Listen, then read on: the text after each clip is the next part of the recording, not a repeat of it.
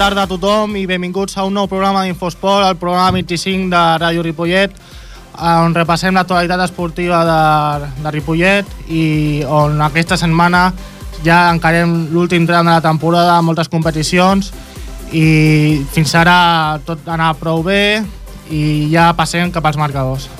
El marcador.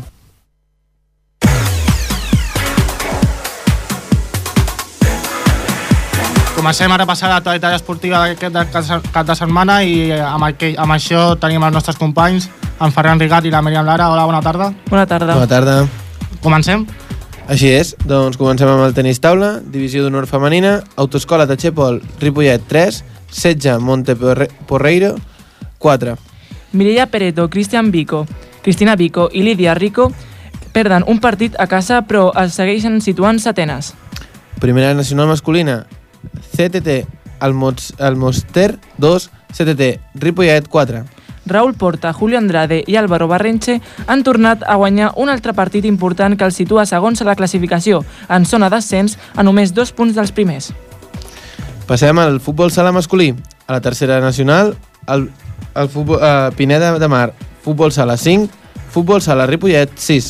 El Ripollet va remuntar en dues ocasions un partit complicat, amb quatre gols d'Òscar Prieto, un de Jesús Díaz i un altre de Fran Villalba. L'equip es manté al capdavant de la classificació amb 7 punts d'avantatge sobre els segons, el, el Barceloneta. Divisió d'honor catalana. Gavà Futbol Sala 8, Futbol Sala Ripollet B 2. Mala setmana per al somni de l'ascens del segon equip del futbol sala Ripollet. 48 hores després d'empatar a Molins davant el segon classificat, van, van caure al camp del líder. Els ripolletens segueixen tercers a la classificació, però ja estan a 8 punts de les places d'ascens. Tercera catalana, Futsal Cabrils B 5, Inter Ripollet 0. Els ripolletens deixen escapar l'opció d'apropar-se a la plaça de promoció d'ascens en caure golejats davant el, el penúltim classificat. Ara estan a 5 punts del tercer classificat. Passem al futbol sala femení, divisió d'honor catalana, Can Clos 4, la Concòrdia 3. El Can Clos va haver de remuntar en dues ocasions per mantenir la imbatibilitat al pavelló Joan Creus en aquest 2014. Sònia, Nerea, Lali i Lídia van marcar els gols, que mantenen a l'equip cinquè a la classificació. Futbol masculí, segona catalana, Molletense 3, Ripollet 0. El líder va superar a un lluitador Ripollet amb un marcador avoltat, en dos gols en els dos últims minuts del partit. L'equip, eh, entrenat per David Ortiz, es queda a 10 punts de distància dels jocs d'ascens i veu com el repte de l'ascens s'escapa. Tercera catalana, Escola Futbol Base 3, Sant Vicenç de Torelló 2. L'escola va encarar bé el segon triomf consecutiu a, causa, a casa amb tres gols a la primera meitat de Jordi, Juan Antonio i Diego. El, el conjunt de Guillermo Andrés escala un lloc a la classificació i se situa 6è. Penya Blaugrana Sant Cugat 0, Penya Deportiva Pajaril 0. El Pajaril suma un punt més per assentar-se a la zona tranquil·la de la classificació i encadena quatre jornades consecutives sense perdre per primera vegada en tota la temporada. Quarta catalana, Escola Futbol Base B, 1, Montcada B, 2. El segon equip de l'escola segueix sense, sense conèixer el triomf a, al camp de l'Industrial i continua en la penúltima posició a la classificació. El Camp Mas va descansar aquesta jornada. Passem al futbol femení. Segona catalana, Barceloneta B, 2, Escola Futbol Base Femení, 6. Raquel Corral, amb 4 gols, va tornar a liderar a les ripolletenques, que es manté a la segona plaça de la classificació. Corral ja és la pitxitxi en solitari de la categoria, amb 31 gols en només 9 partits jugats. Club Futbol Ripollet Femení 0, Poniente 0.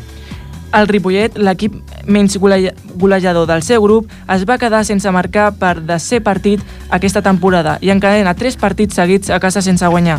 Tot i això, les ripolletenques es mantenen vuitenes a la classificació. Uh, seguim amb el, amb el bàsquet. Primera catalana, CB Ripolleta 72, Bàsquet Almeda 86. El primer equip dels blaus perd un partit decisiu que els fa baixar fins a la quarta posició, empatats però per darrere del, dels Sitges. Territorial. Clínica Dental Camp Parellada 50, 59, Luc Store Gasó 65. Dos victòries consecutives mantenen el Luke Store segon a la taula, per darrere d'Alcaldes. Territorial. Club Bàsquet Ripollet B 50, Font Castellana B 51. Partit molt lluitat entre els dos equips que es decanten l'últim moment pels visitants. Amb aquesta derrota situen 600 a 3 victòries dels primers, el Club Bàsquet SIC B. Seguim amb la territorial. CB Pedagogium B, 79, CB Gasó B, 17. El Gassó perd derrotat per l'equip líder d'aquest grup. Tercera catalana femenina. Barça Grana, 41, CB Ripollet femenís, 36. A les ripolletenques se li torna a escapar un altre partit important, es situen setenes, a 7 victòries del bàsquet Llor. Seguim amb l'handbol. Club Handbol Ripollet 33, Handbol Garbí B de Palafrugell 22. Els ripolletens es situen a 3 victòries del líder de la classificació, el, el handbol Bordils. I fins aquí els resultats, només dir-vos que amb les presses del programa no, no us he dit, que qui us parla és Brian Calvo, i ara canviem de dinàmica i comencem a analitzar més profundament eh, el que ha sigut aquest cap de setmana. Febre d'esport.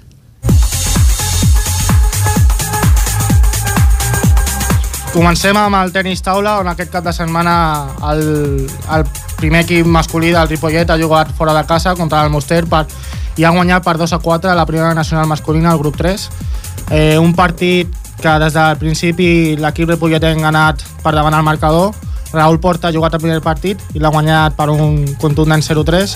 El segon partit disputat per l'Álvaro Barrenche, el segon punt, eh, l'ha guanyat per 0-3 també. Eh, el tercer ha sigut la primera, el primer punt de l'Almoster, on Julio Andrade ha guanyat per, ha perdut perdó, per 3 a 0. El quart partit, el Raül Porta ha guanyat un altre cop per 1 a 3. El cinquè l'ha disputat el Julio i l'ha tornat a perdre per 3 a 0 i quan anaven 3 a 2 al marcador el Ripollet ha sentenciat amb el sisè punt l'Álvaro Barrenche ha guanyat 2 a 3 eh, just, però al final li ha donat la victòria a l'equip ripolletenc, que situa segona a la classificació, escala fins, fins a aquesta posició després de 17 partits jugats, amb 14 triomfs i 3 derrotes. El proper partit eh, el disputarà aquest dissabte, 29 de març, a les 5 de la tarda davant l'Igualada a domicili. I aquesta setmana hem pogut parlar amb Raül Porta, que ha sigut eh, artífex de la victòria de Ripollet amb dos punts. Estamos con Raúl Porta, jugador del CTT Ripollet. Hola Raúl, buenas tardes. Hola, buenas tardes. Eh, nueva victoria, esta vez por 2 a 4 contra el Almoster. Explícanos cómo ha ido el partido. Al principio empecé yo contra un rival fácil, o sea, bien. Y a medida que iba pasando el partido se nos fue complicando un poco, pero al final Álvaro resolvió, resolvió bien el partido. bueno, el partido es la decimocuarta victoria del equipo, que la, le pone en segunda posición. Vale. Perdoneu, hem tingut un petit problema tècnic i ah, bueno, el, el nostre realitzador ho està intentant arreglar. Eh, bueno, dir que el, la temporada està en ser molt bona del, del Ripollet masculí, del tenis taula. Eh, juga amb jugadors del planter i, amb, i contra rivals que compten amb jugadors tant nacionals com internacionals on els pressupostos són millors i, i disposen de més diners per cometre el fitxatge. Em diuen que ja s'ha arreglat el problema, el problema continuem amb l'entrevista.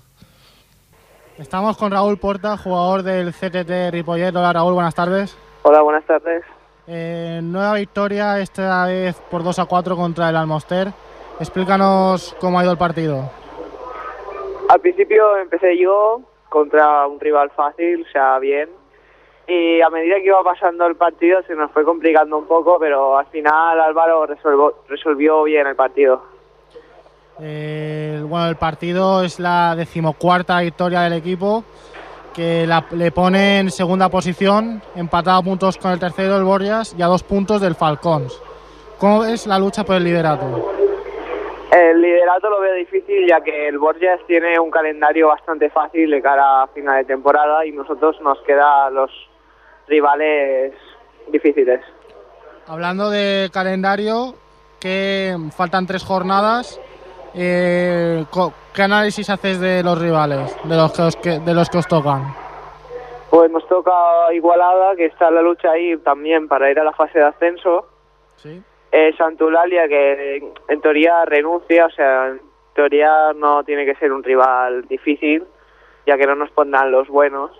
Sí. Y bueno, luego queda el Borjas, que será un partido difícil, ya que seguramente nos jugaremos el segundo puesto. Y a este tramo de la temporada, ¿en qué estado físico y anímico llega el equipo?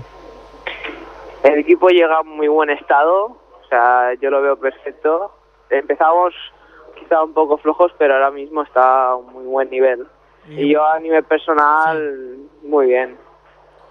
Ya para terminar, el próximo partido contra Igualada, el cuarto clasificado.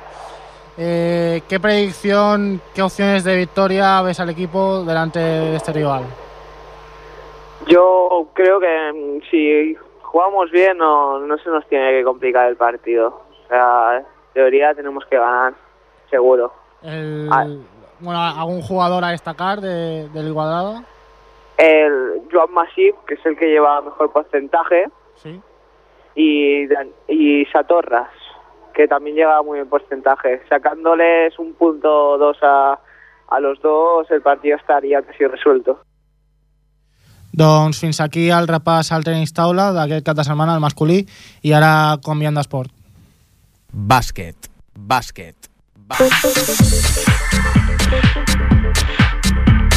Comencem amb l'esport de Ripollet i per això tenim la nostra companya l'Ester. HolaEster, bona tarda. Bona tarda, Brian. Doncs derrota del Ripollet contra l'Almeda, equip de la part baixa a la classificació. Després de la important derrota de la setmana... Perdó.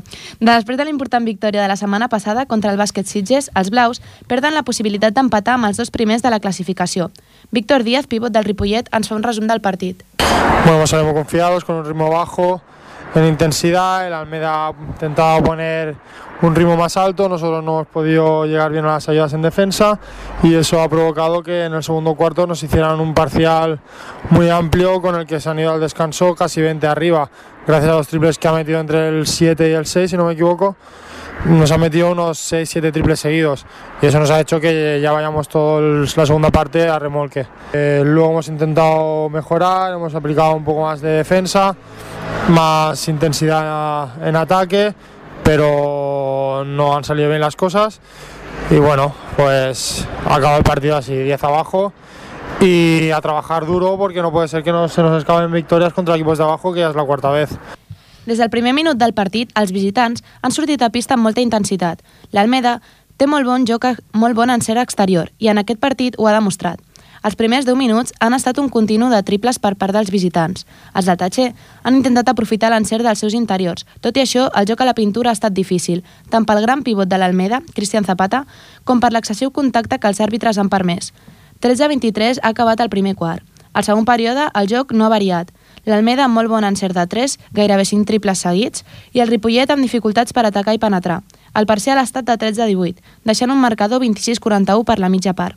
Al tercer quart, els visitants han continuat dominant el ritme de joc. El Ripollet ha augmentat la intensitat defensiva, fent pressió per intentar remuntar. Tot i això, no han pogut retallar la diferència. Finalment, a l'últim quart, els àrbitres han intentat equilibrar les faltes, que no han pitat en tot el partit. El Ripollet ho ha aprofitat amb penetracions i movent bé la bola. En defensa han canviat la pressió i han començat a saltar el 2, intentant parar els atacs fàcils i els tirs de 3. El marcador final ha estat 72-86, en, en un partit difícil, intens i, desi i desigual. Amb aquest resultat, els blaus es col·loquen quarts de la classificació, empatats amb els tercers, els Sitges. Doncs esperem que la propera setmana el Ripollet es pugui reposar de- de- d'aquesta derrota i aconsegueixi la victòria. Canviant d'esport.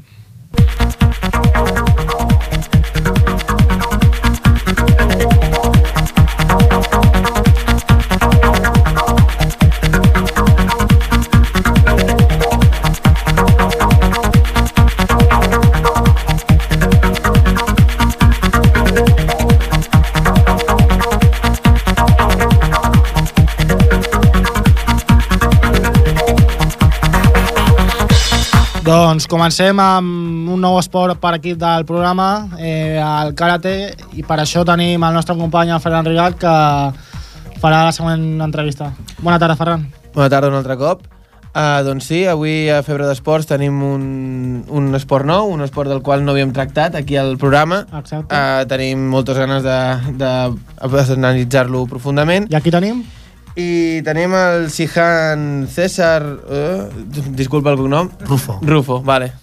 el Sihan César Rufo, que aquest 29 de març de, al, al pavelló Joan Creus s'organitzarà un campionat uh, i res, ve per parlar-nos una mica d'aquest campionat i de què és el karate y res, ya le doy las buenas tardes. Buenas tardes. Eh, cualquier cosa que diga mal, sin problema, corrígeme que, que es tan nuevo que no, no lo domino aún. Ningún problema. Ah, para empezar, eh, ¿qué objetivos tenéis al organizar este campeonato de España?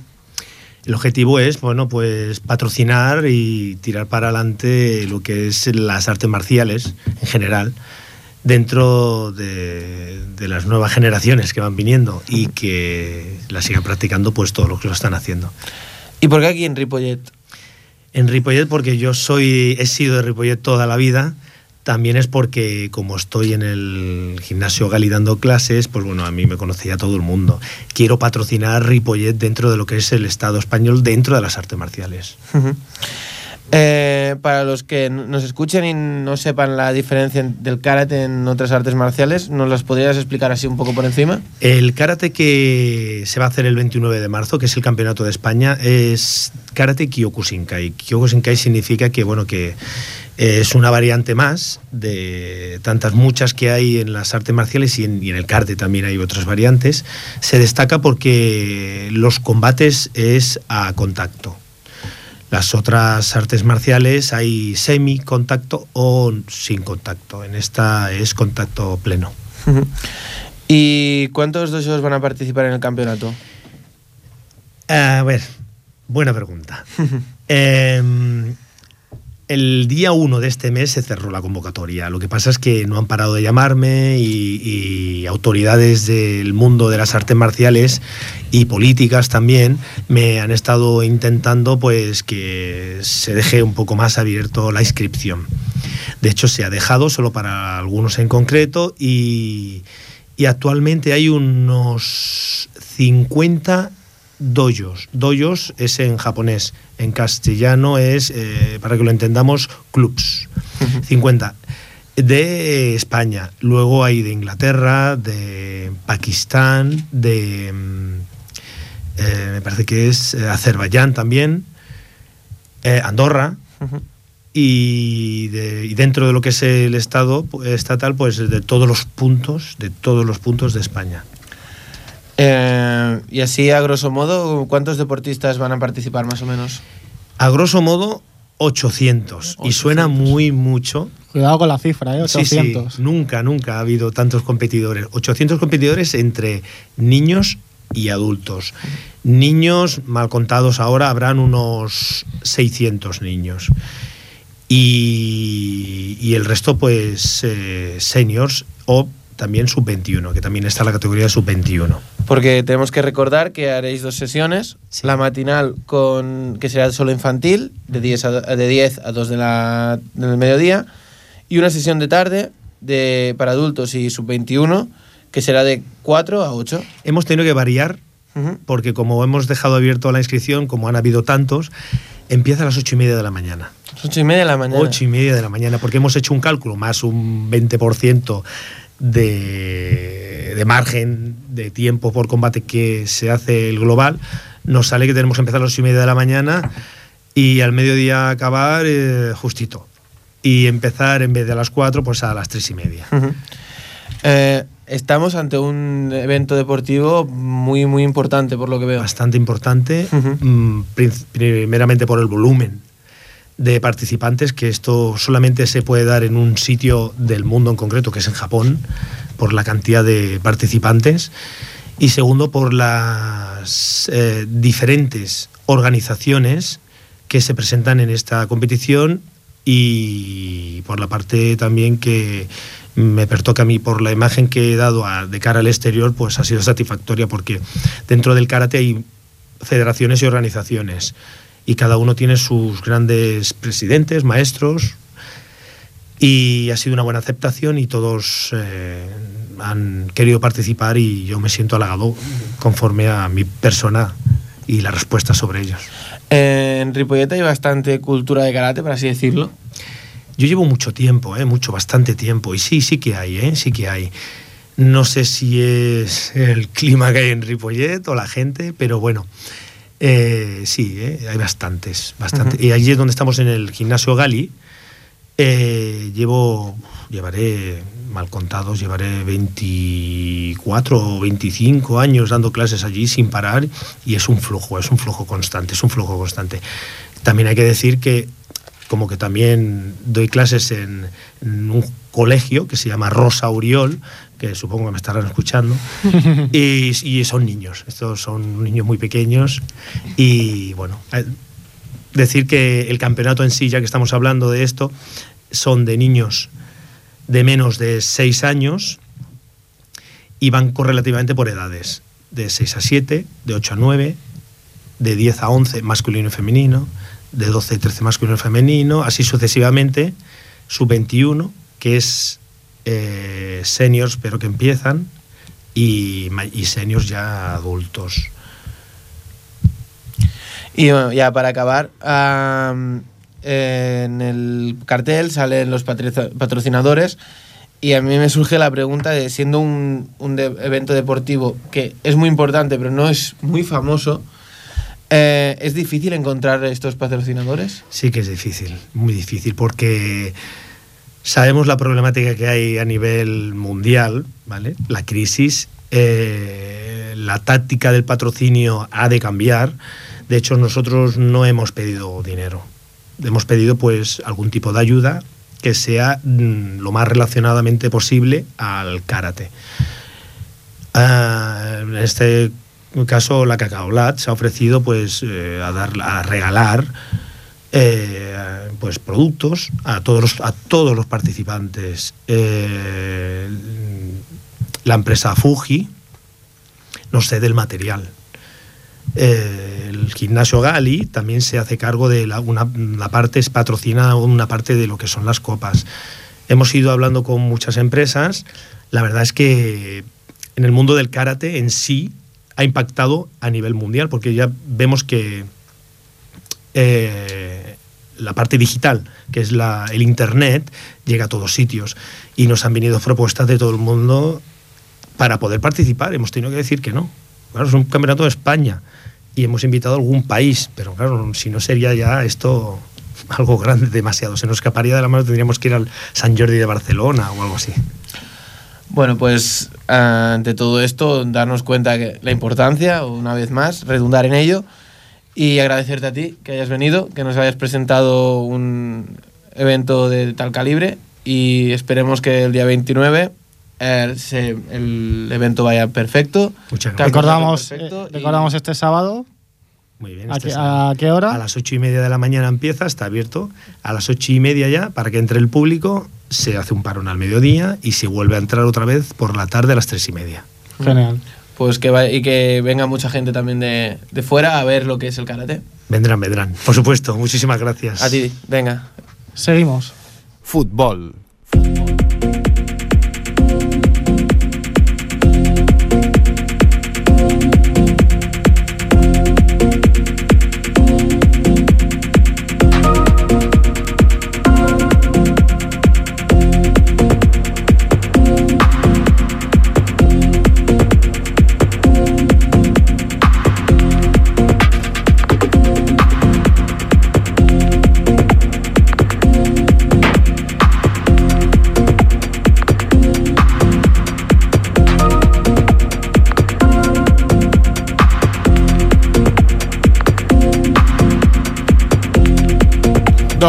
Seguim amb el programa. Esteu escoltant Infosport i canviem de dinàmica, canviem d'esport i seguim amb el, amb el futbol, el futbol de Ripollet. Per això tenim el nostre company, el Jordi Soteras. Hola Jordi, bona tarda. Hola, què tal, Brian? Bona tarda. Com ha sigut aquest cap de setmana pel Club Futbol Ripollet? Bueno, ha sigut un, una altra vegada complicat. Era el tercer partit, en aquest cas, eh, en el qual es decidien coses i no hi ha hagut sort. La veritat és que no hi ha hagut sort. Jugaven contra el Molletense, un equip que és molt, molt complicat, ja ho va ser-ho a casa, tot i que se'l va guanyar 1 a 0. I en aquest cas, doncs, bueno, el, el problema va ser que de seguida, en el minut 6, es va, a, a, a l'equip eh, rival va fer un gol i això va condicionar tot el, tot el partit perquè ells són un equip que defensivament ho fan força bé i això va fer doncs, que al Ripollet, que no tenia el dia també a matar, que li costés molt, molt entrar. No?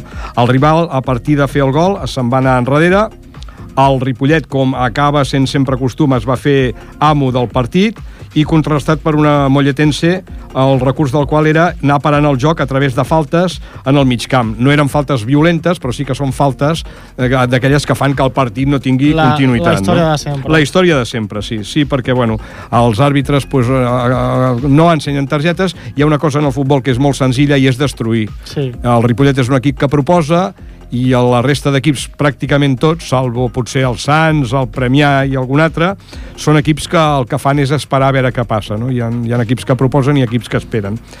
En aquest primer temps es va parar el partit, per una, va haver-hi una forta granissada durant 10 minuts i amb la reanu- reanudació, potser faltaven 10 minuts més, el Ripollet va atacar sense èxit amb una mo- molletense que estava esperant.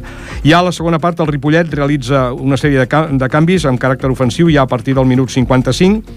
Llavors entra Mellado per Marc Caballero i Nava per Néstor per donar major poder ofensiu, encara que el molletense totalment replegat va fer que el Ripollet no tingués clares ocasions de gol, perquè en realitat no les va tenir en tot el partit.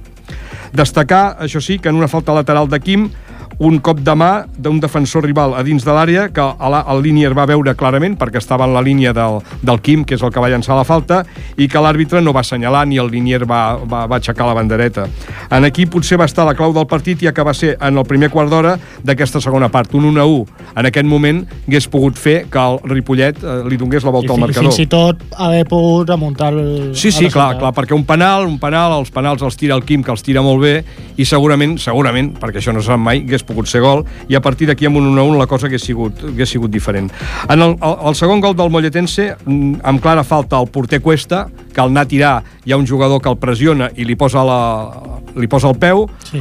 la pilota se li en va, el, la pilota la desplaça al porter, toca amb el jugador rival, amb l'adversari, i la pilota se'n va dins. És dir, després d'això, és dir, l'àrbitre en aquí no pita, no pita falta, i llavors hi ha un comentari en el línia del David Rodríguez, eh, del cos tècnic del, del Ripollet, dient-li a l'àrbitre, os estáis riendo de nosotros, li diu això al linier, el linier crida l'àrbitre, i, i llavors I- fa allò que és tan senzill de defensar-se amb les targetes, no? És Sí. dir, eh, a lo millor una patada no la, no, no la, no, no la sancionen, Però la protesta- però això sí, no, la protesta a mi no em protestis, que com que tinc el cartró et foto fora si cal, no? Sí. Llavors, eh, també és de destacar, i això és lamentable, que el tècnic, a l'acabar el partit, el David Rodríguez, va saludar el trio arbitral i aquests li van girar l'esquena i no li van voler donar la mà. És, és, un, fet, és un fet que és lamentable, ja que l'àrbitre està pues, per, per, per, per donar solucions positives a tot plegat. No? És, és una autèntica pena que un equip que proposa joc, que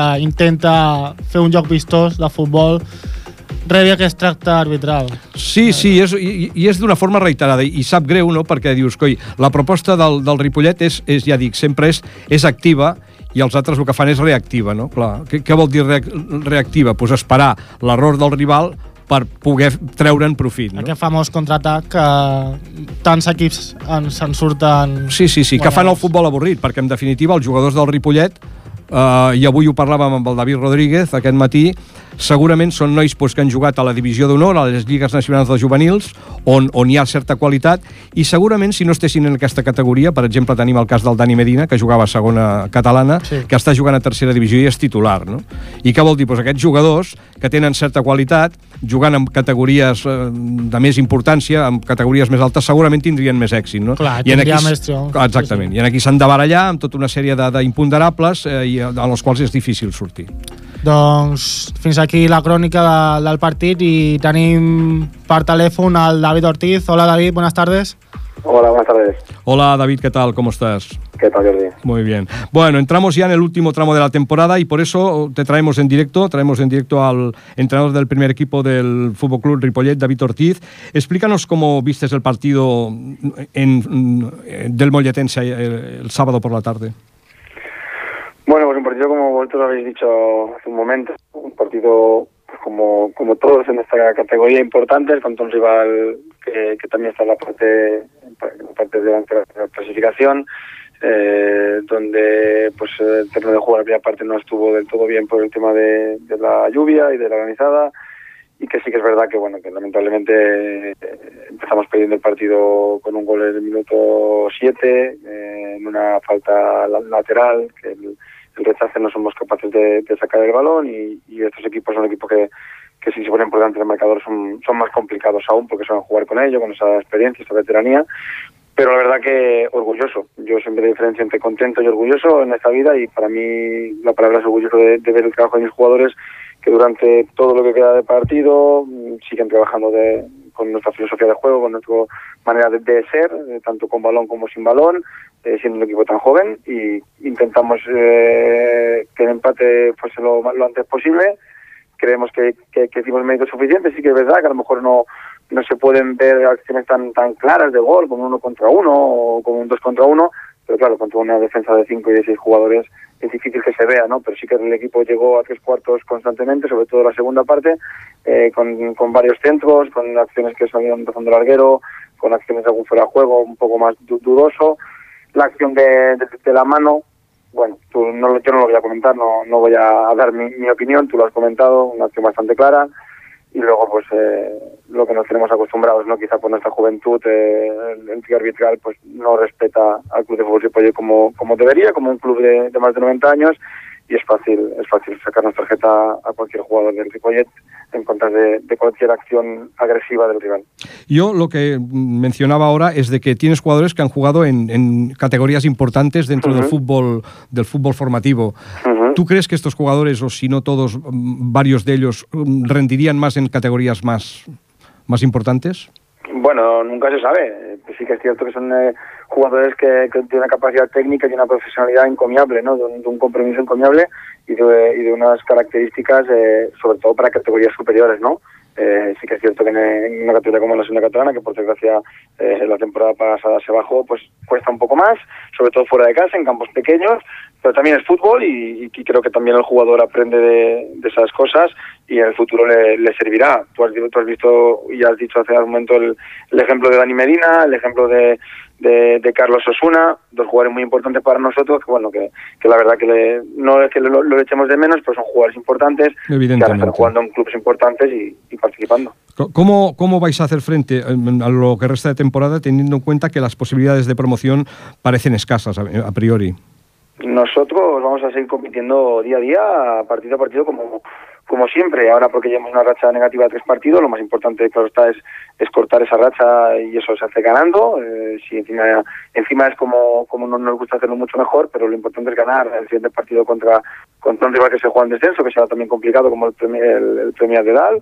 Y, seguir trabajando sin poner ninguna meta, porque no hemos tenido ninguna meta. Nuestro objetivo esta temporada, ya, ya, ya lo hemos hablado muchas veces eh, aquí en directo, era, era formar una, una plantilla eh, nueva, formar una plantilla joven, un proyecto a, a corto o largo plazo. Creo que están cumpliendo todos los objetivos eh, que a corto o largo plazo pues se nos pusieron encima encima de la mesa. Creo que el equipo hasta la semana pasada era el equipo menos goleador de la categoría en 23 partidos con 19 goles en 23 partidos, eso es menos de un gol por, por, por partido. Importante. Creo que el equipo eh, sí que es verdad que ofensivamente pues cuesta porque es una categoría muy complicada porque defiende muy bien los rivales y esos son los objetivos que nos marcamos, ¿no? Formar un equipo que estuviese compitiendo arriba y lo seguirá compitiendo. Sí que es verdad que ahora es más difícil, pero nosotros eh, seguimos compitiendo con nuestros objetivos que son que son claros y que es estar en la zona alta y esperar, esperar a ver qué pasa. Mm, ¿Contento con lo que está siendo la temporada en relación al crecimiento del grupo y la mejora individual de tus jugadores?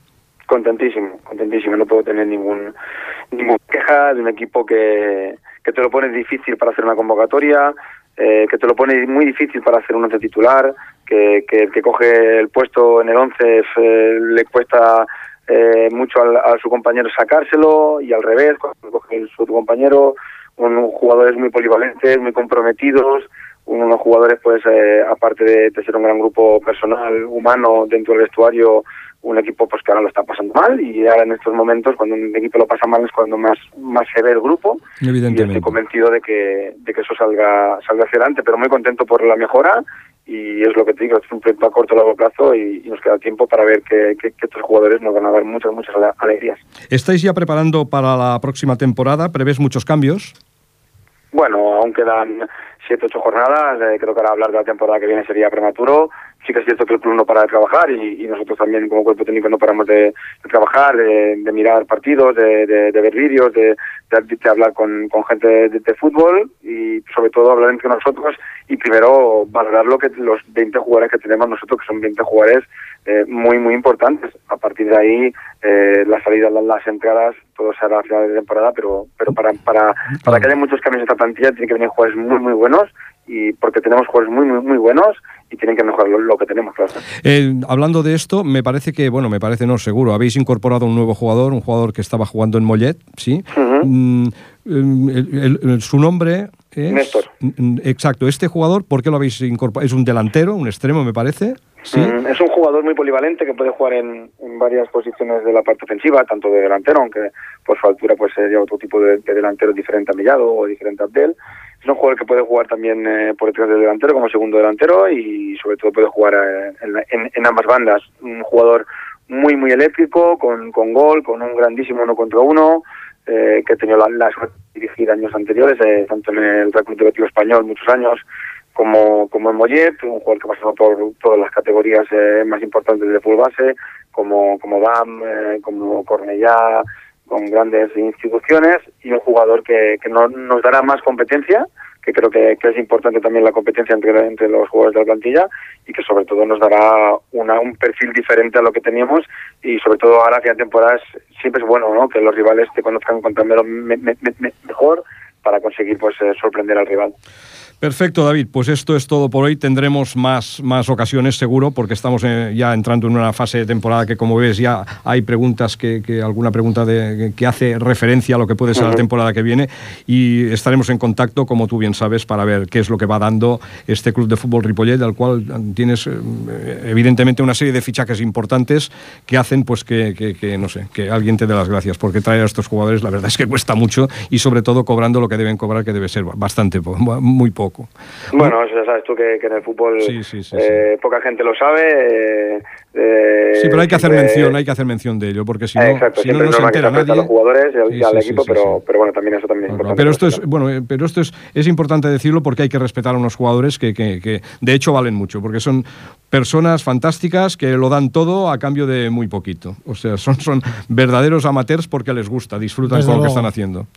Muchas gracias David y hasta la próxima y recuerdos a todos tus jugadores que son muy buenos tíos. Igualmente Mucha suerte, me tenéis aquí para cuando queráis. Muchas gracias. Mucha suerte. Un abrazo. I canviem d'esport.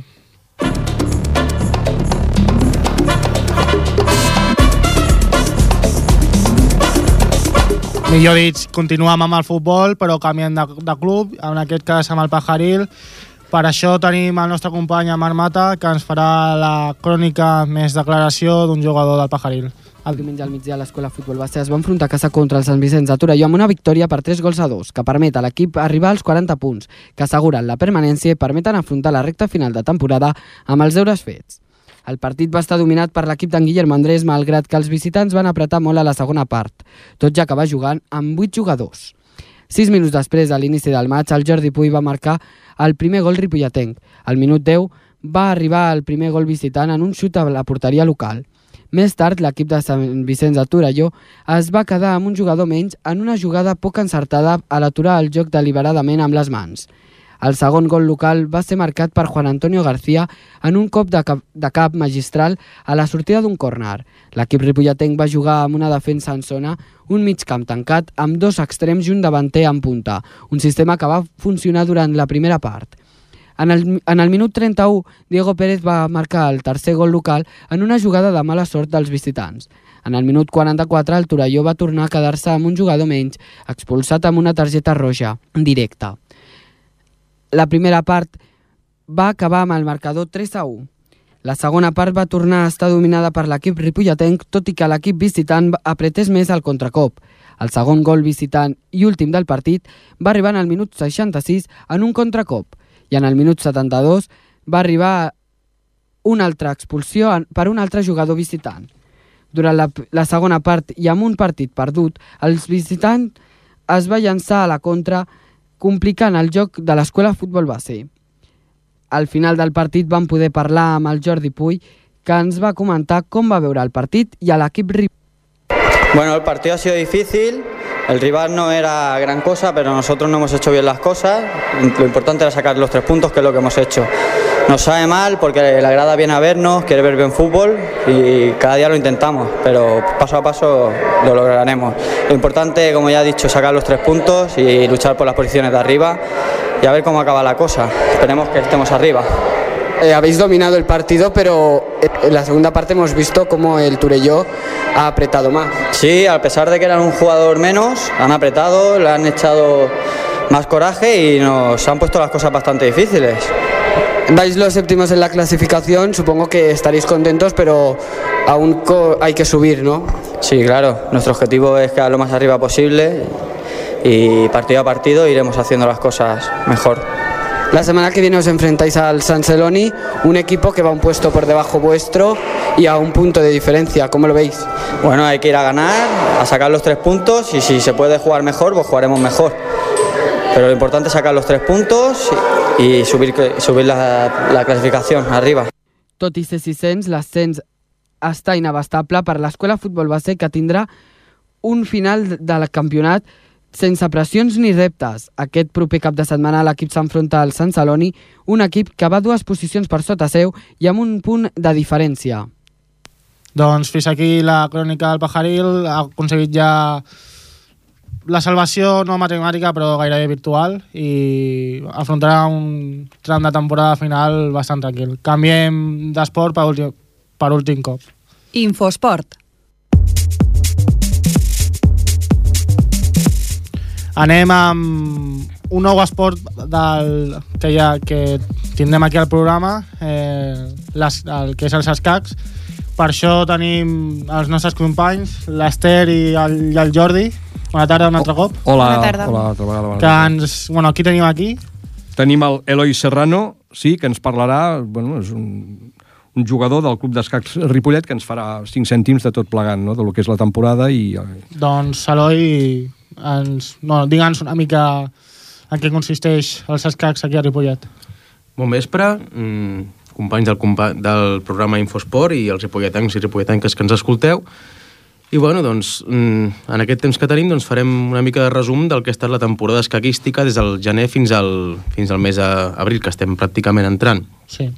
Bé, doncs a nivells d'equips, sabeu que tenim quatre equips. El Ripolleta, que està a primera provincial, bueno, estava, perquè les coses com són, és un dia trist. Ahir vam baixar de categoria, a segona provincial. El Ripolleta ha competit aquest any al grup del Vallès Occidental de primera provincial. L'objectiu, com sabíem, era la permanència. No s'ha pogut aconseguir degut a les baixes que hem tingut aquest any, bastant nombroses, no? ja sigui per temes personals, familiars... Bueno, ha estat un cúmul de circumstàncies que han fet que un equip preparat per quedar des de la part mitjana de classificació fins la part alta, doncs hagi baixat. Mm. Ahir van perdre, per la mínima, una, una setmana més, ja són tres setmanes seguides perdent 3 i mig a 4 i mig. Sabeu que els, els matxos d'escacs... Sí, ens explica'ns explica'ns una mica. Bueno, doncs són 8 jugadors de Ripollet contra 8 jugadors d'una altra localitat, d'un altre equip, i llavors són partides individuals, no? Són 8 partides. I llavors, al final, quan acaben totes les partides, mm, es disputen els diumenges al, al matí, des de les 8 i mitja fins a les 2, quan acaben les partides, doncs, es fa un recompte dels punts, no? Per exemple, el nostre primer tauler ahir va perdre, el segon va guanyar, el tercer va perdre també, el quart va guanyar, el cinquè, que en aquest cas és un servidor, també va guanyar, el sisè va fer taules, empat, sí. La qual cosa és mig punt, el setè mm, va perdre i el vuitè va perdre. Resultat total, 3 i mig a 4 i mig amb el Sabadell. Van perdre amb el Sabadell i clar, doncs, amb aquest resultat doncs, estaven condemnats a baixar a segona divisió provincial, eh, per entendre'ns, ara que acabeu de parlar futbol, seria la segona regional, i hem baixat a segona regional. No? Són quatre anys d'història del club, l'objectiu era seguir en aquesta primera regional, recordem que van ser tres ascensos consecutius, i no ha pogut ser. La dinàmica era immillorable. La dinàmica era bona, era una progressió meteòrica, el que passa és que s'ha baixat. S'ha baixat mm, perquè, carai, tens un equip preparat, però si et falten els 5 millors jugadors del club, doncs és difícil mantenir-la. Has de tenir en compte que, que aquest any el primer equip està format pels quatre monitors d'escacs més quatre nens, els quatre nens més veterans que tenim. Nens de l'Escursell, nens del Tatxer, i hem fet el que hem pogut. Mm, a partir d'aquí, doncs, dir que hem baixat doncs, per la mínima, perdent els matxos 3 i mig a 4 i mig.